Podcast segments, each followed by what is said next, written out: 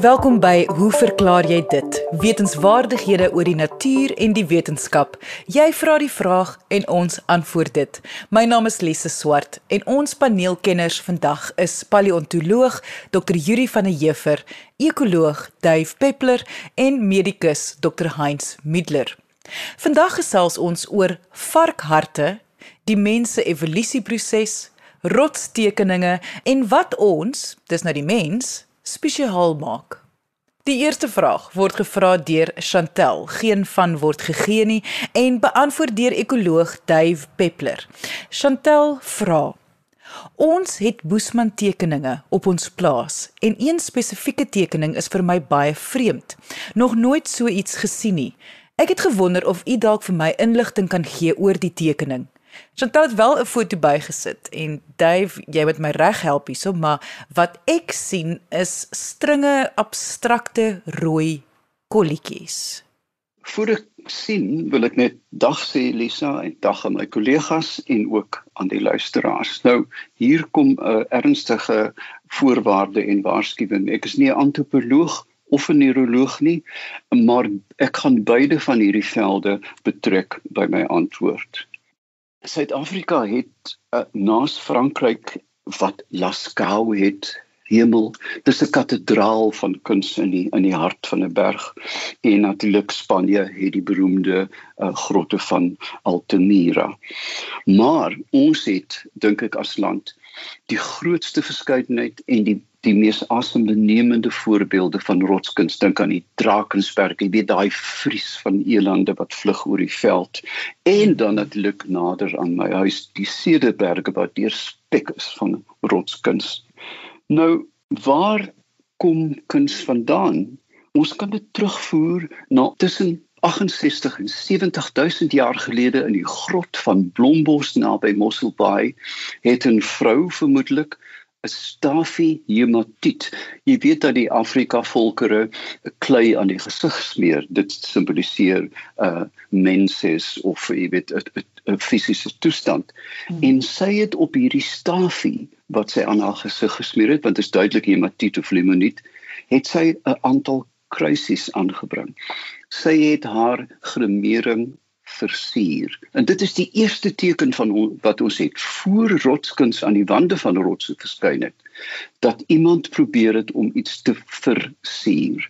En dan natuurlik uh, begin 'n mens dadelik dink aan die uh, groteske maar wonderlike beeld van Willendorf, die Venus van Willendorf wat dateer uit 2 of 24000 jaar gelede uh, die alom bekende fertiliteitssimbool. Nou ja, genoeg oor kunsteorie. En ons moet ook nie vergeet nie dat rotskuns ook die vorm van petroglife kan aanneem, met ander woorde rotsgrafiere. In jare toet het ek in die ou kamp in die veld by drooggeputs tussen Boelestein en Kanaven gestap en ek vra toe die eienaar, "Is hier petroglife wat ek dadelik moes omskryf na krapmerke op rotse?" En hy het gesê, "Nee." En toe hy die woord nee sê, toe kom ek af op 'n hemelse kameelperd op daai klinkerklippe van die van die Doorsland. O ja, voor ek vergeet, ons moet ook natuurlik onthou van die fabelagtige Nazca lyne in Peru. Jy weet wat jy eintlik net uit die lug uit kan waarneem wat die die die die omvang van die kuns is so groot. Nou moet ons ons afvra wat weet ons van rotskuns? En die antwoord is 'n volslae niks. Hoekom? Want die San en die Khoisan het 'n orale tradisie gehad en hierdie tradisie het uitgesterf voordat ons dit kon waarneem of opteken. Maar dan verskyn soos 'n meteoriet die geval van Wilhelm Bleek wat in 1861 na Suid-Afrika gekom het as die privaat bibliotekaris van Sir George Grey. Hy was 'n die Engelse noem dit 'n polyglot. Hy het uit 'n alomvattende belangstelling gehad in sy omgewing. En daar loop hy toe raak die beroemde eh, bandiet en daai dae genoem San wat in die breekwater gevangenes in in Kaapstad aangehou was vir vier diefstal of iets iets kleins. En skielik ontdek hy hierdie rykdom aan vertellings en verbeeldings en dit het natuurlik uitgeloop op sy klassieke boek Reynard the Fox in South Africa or the Hottentot Fables and Tales. Uh, uh, dit is 'n standaard boek as jy in rotskuns belangstel. Nou, wat is die problematiek wat ons het om die interpretasie van die beelde? Ons weet nie. Geen beeld is 'n eksakte verbeelding van die kunstenaar se denke nie, want dit is vervorm. Hoe, hoe al is dit uh, uh, soos 'n foto dit is in 'n mate vervorm deur die verbeelding van die kunstenaar.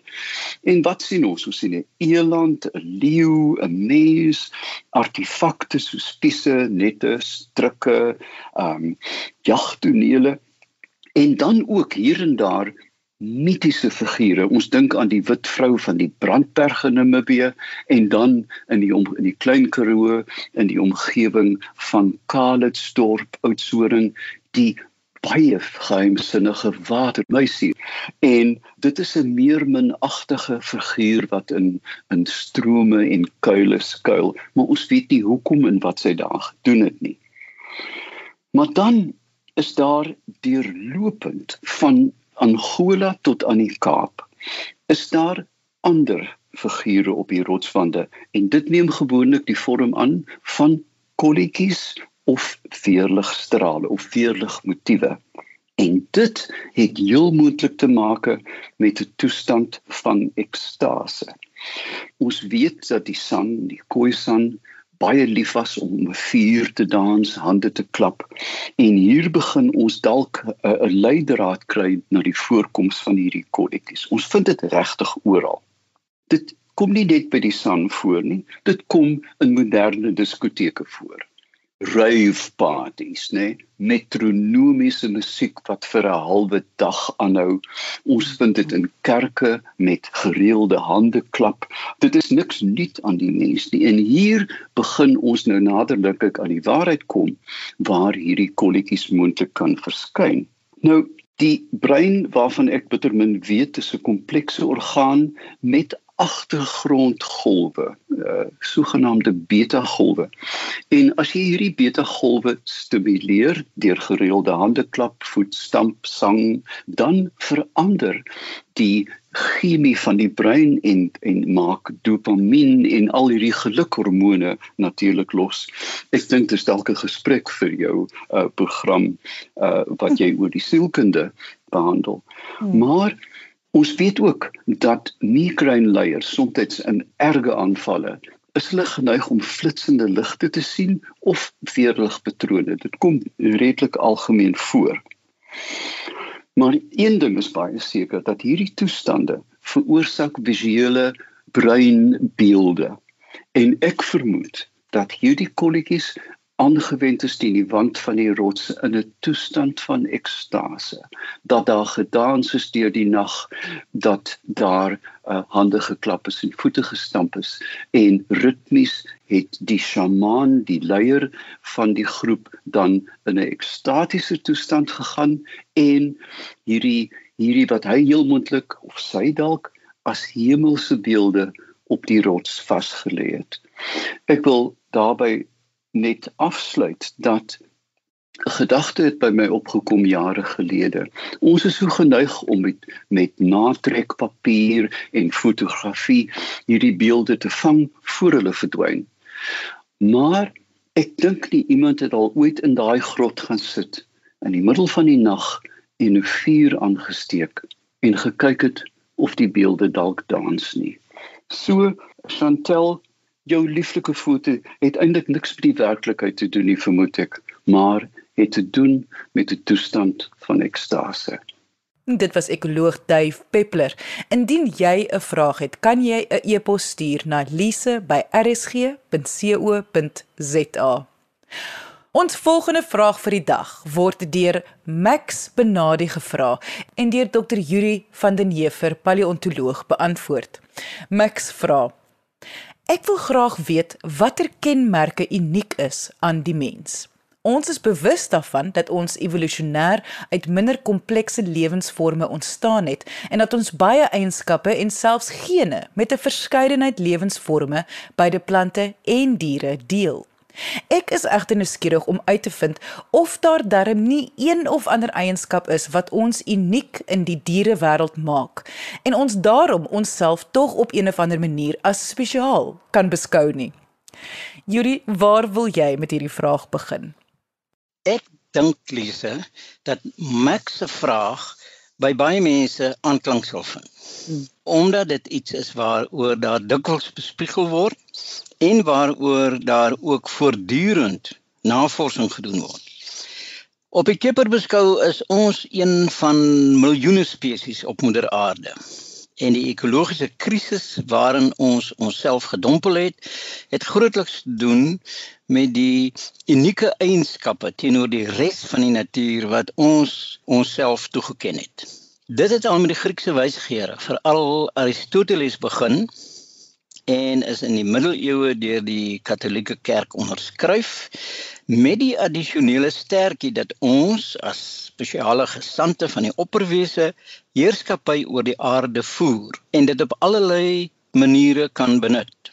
Hiermee is die idee gevestig dat wanneer ons die tydelike met die ewige verwissel, ons in elk geval iewers anders gaan voortleef en kan daarom natuurlike hulpbronne soos fossielbrandstof en tropiese woude gewetenloos en tot op die punt van uitwissing benut.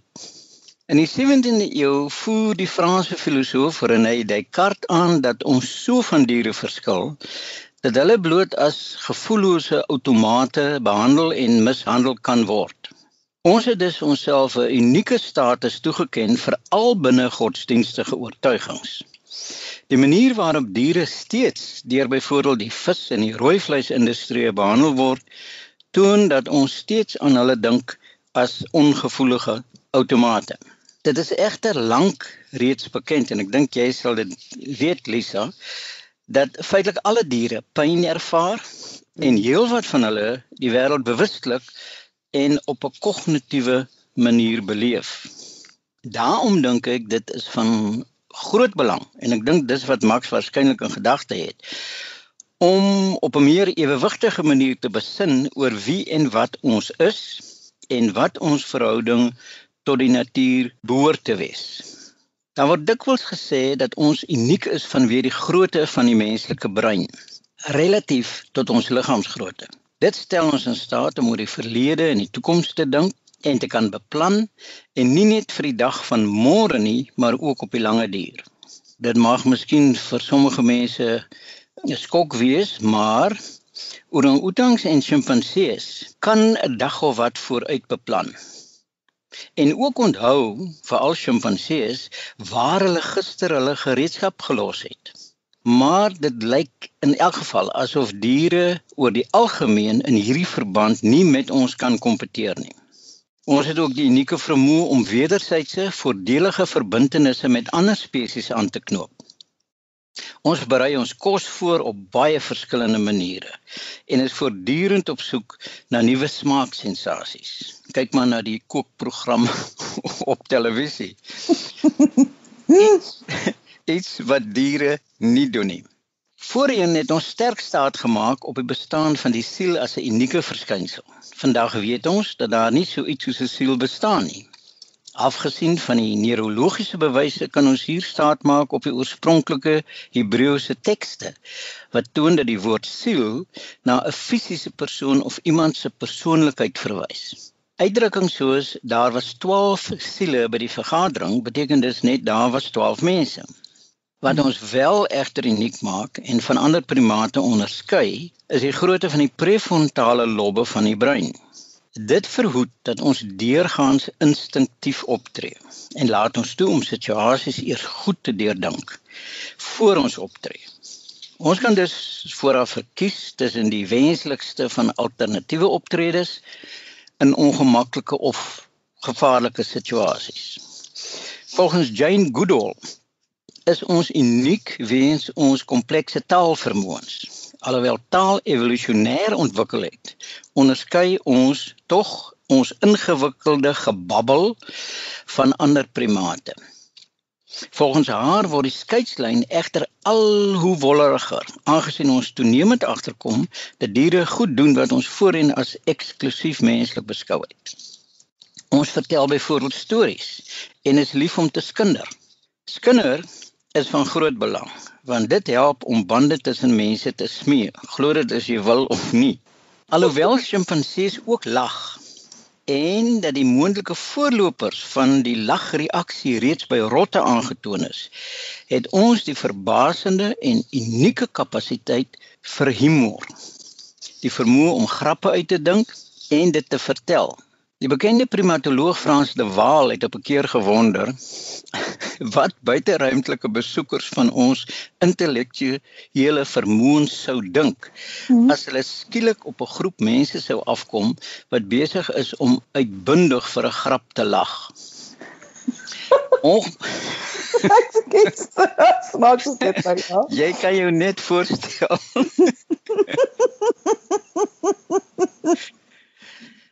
Ongelukkig het ons ook 'n unieke vermoë tot langdurige en voortgesette geweld in die vorm van oorlogvoering, slawerny en kolonialisme. Dikwels gedrewe deur of ten minste met die goedkeuring van een of ander geloofsisteem. Ons moet egter onderskei tussen proaktiewe en reaktiewe geweld. Proaktiewe geweld is wanneer ons gewelddadig optree om te voorkom dat iemand anders ons leed aandoen. Reaktiewe geweld is wanneer ons op die aggressie van ander reageer. Daar bestaan sterk bewyse dat die menslike afstammingslyn die afgelope 300 000 jaar 'n afname in reaktiewe aggressie toon. Alhoewel ons steeds proaktief reageer. Of dit ons uniek maak, is 'n oop vraag, aangesien ons steeds die neiging tot proaktiewe geweld met sjimpansees pantrogloditis deel en die afname in reaktiewe geweld amper asof ons 'n makmaakproses bekend as selfdomestikasie ondergaan het weer met die bonobo of dwergsjimpansee paniscus deel. Die sosioloog Debra Possel reken dat ons as mense uniek plooibaar is. Sy noem dit plastisiteit en volgens haar toon ons soveel natuurlike variasie dat daar nie van 'n absolute vasgepende menslike natuur gepraat kan word nie. Die nuutste biologiese en meer spesifiek genetiese bevindinge dui juis op 'n plooibare verwantskap tussen die fisies-chemiese kenmerke waarmee ons gebore word en hoe die omgewing ons omvorm. Een voorbeeld hiervan Lisa is dat feitelik al die suksesvolste ijshokkersterre in Kanada hmm. tussen Januarie en April verjaar. Ijshokkie is Kanada se nasionale wintersport en skoolseuns speel dit van jongs af. Ingedeel in ouderdomsgroepe beteken dit dat die seuns wat in Januarie verjaar amper 'n jaar ouer is as hulle spanmaats wat in Desember verjaar. Dit maak 'n groot verskil in fisiese vermoëns en afrigters sien dit raak moedig sulke bedrywenheid aan en gee waarskynlik onbewustelik uh, meer ondersteuning aan sulke seuns wat dan toenemend beter presteer. In die verband is dit interessant om daaraan te dink dat jou sterstatus as sportman deels te wyte mag wees aan die spesifieke tydstip in die verlede toe jou ouers kalfie oë vir mekaar gemaak het. ja, dit is waar. Die sosioloog Leslie Green reken dat die kriteria wat ons in die verlede gebruik het om ons unieke status te verdedig op verkeerde aannames berus het en dat dit 'n belangrike bydrae tot ons huidige ekologiese verknorsing gelewer het.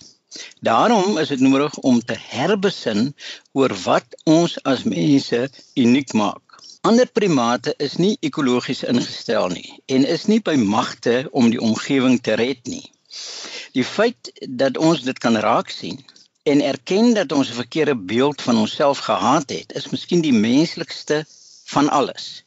Dat ons kan teruggaan op ons spore en probeer regmaak wat verkeerd geloop het, is miskien die spesiale eienskap wat ons na soek. My hond weet presies wanneer hy iets verkeerd gedoen het en sy treurige en boetvaardige houding is so uitgesproke dat dit jou hart versag. Hy kan egter niks aan die vernielde tuin of skoene doen nie. Miskien is dit wat ons van diere onderskei, dat ons gewete ons uiteindelik inhaal en ons regstellend kan optree. Baie dankie vir 'n interessante vraag.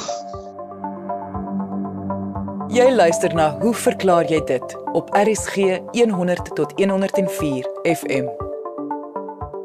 Dit was paleontoloog Yuri van den Heever. Onthou indien jy 'n vraag het, kan jy jou e-pos stuur na lise@rsg.co.za. Dit is nou tyd vir ons kitsvraag wat deur medikus Dr. Heinz Mittler beantwoord word. Heinz, hoe verklaar jy dit dat varkharte mensharte kan vervang?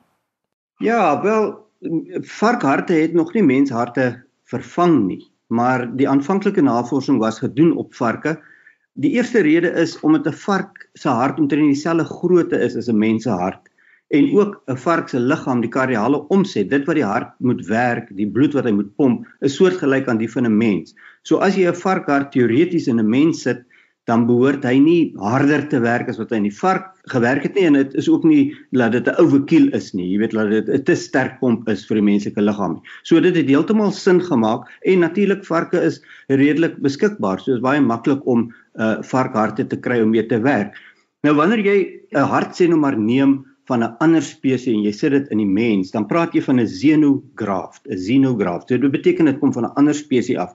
Maar ons doen dit nie. Ons gebruik harte wat van mense afkom. So ons praat van 'n homograft.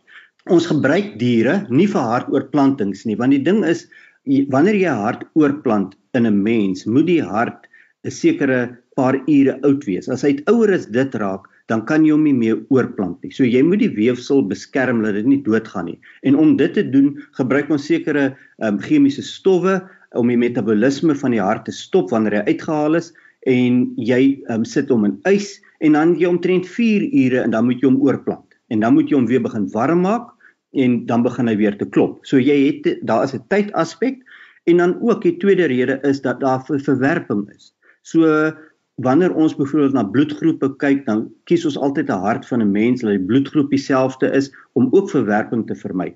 Nou jy kan nou net dink as jy nou 'n hart van 'n vark af kry, dan gaan die liggaam dit verwerp. En dit is die grootste rede waarom jy nie 'n vreemde spesies of 'n varkhart net so kan oorplant in in in die mens nie, want dit is vreemde weefsel. Maar dit beteken natuurlik nie dat ons nie varkmateriaal gebruik nie.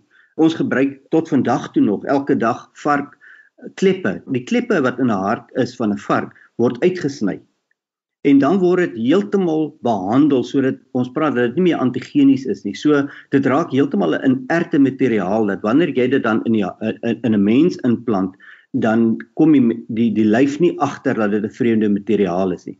En dit is die sogenaamde varkkleppe wat mense van praat. Jy weet as jy nou gaan vir 'n vir 'n hartklepvervanging, dan kan is daar twee tipe kleppe wat jy kan kry. Jy kan 'n 'n sintetiese klep kry wat die varkklep is, 'n jy weet 'n weefselklep of jy kan 'n kunsmatige metaalklep kry wat uit ander stowwe gemaak is. Dit niks te doen met weefsel van van 'n lewende weefsel organisme nie. Mm. So daar's twee twee tipe kleppe. In die weefselkleppe is almal varkkleppe en dit is vark gewone varkkleppe wat uit 'n varkhart uitgesny is wat behandel is en dan word dit in 'n raampie ingesit, 'n tipe van 'n raamwerk en die raamwerk word dan in die menslike hart vasgewerk en daai klep werk dan soos hy net in die vark se hart gewerk het. So daar word niks aan die klepseile verander nie behalwe dat dit behandel is sodat die mense dit nie as vreemd herken nie.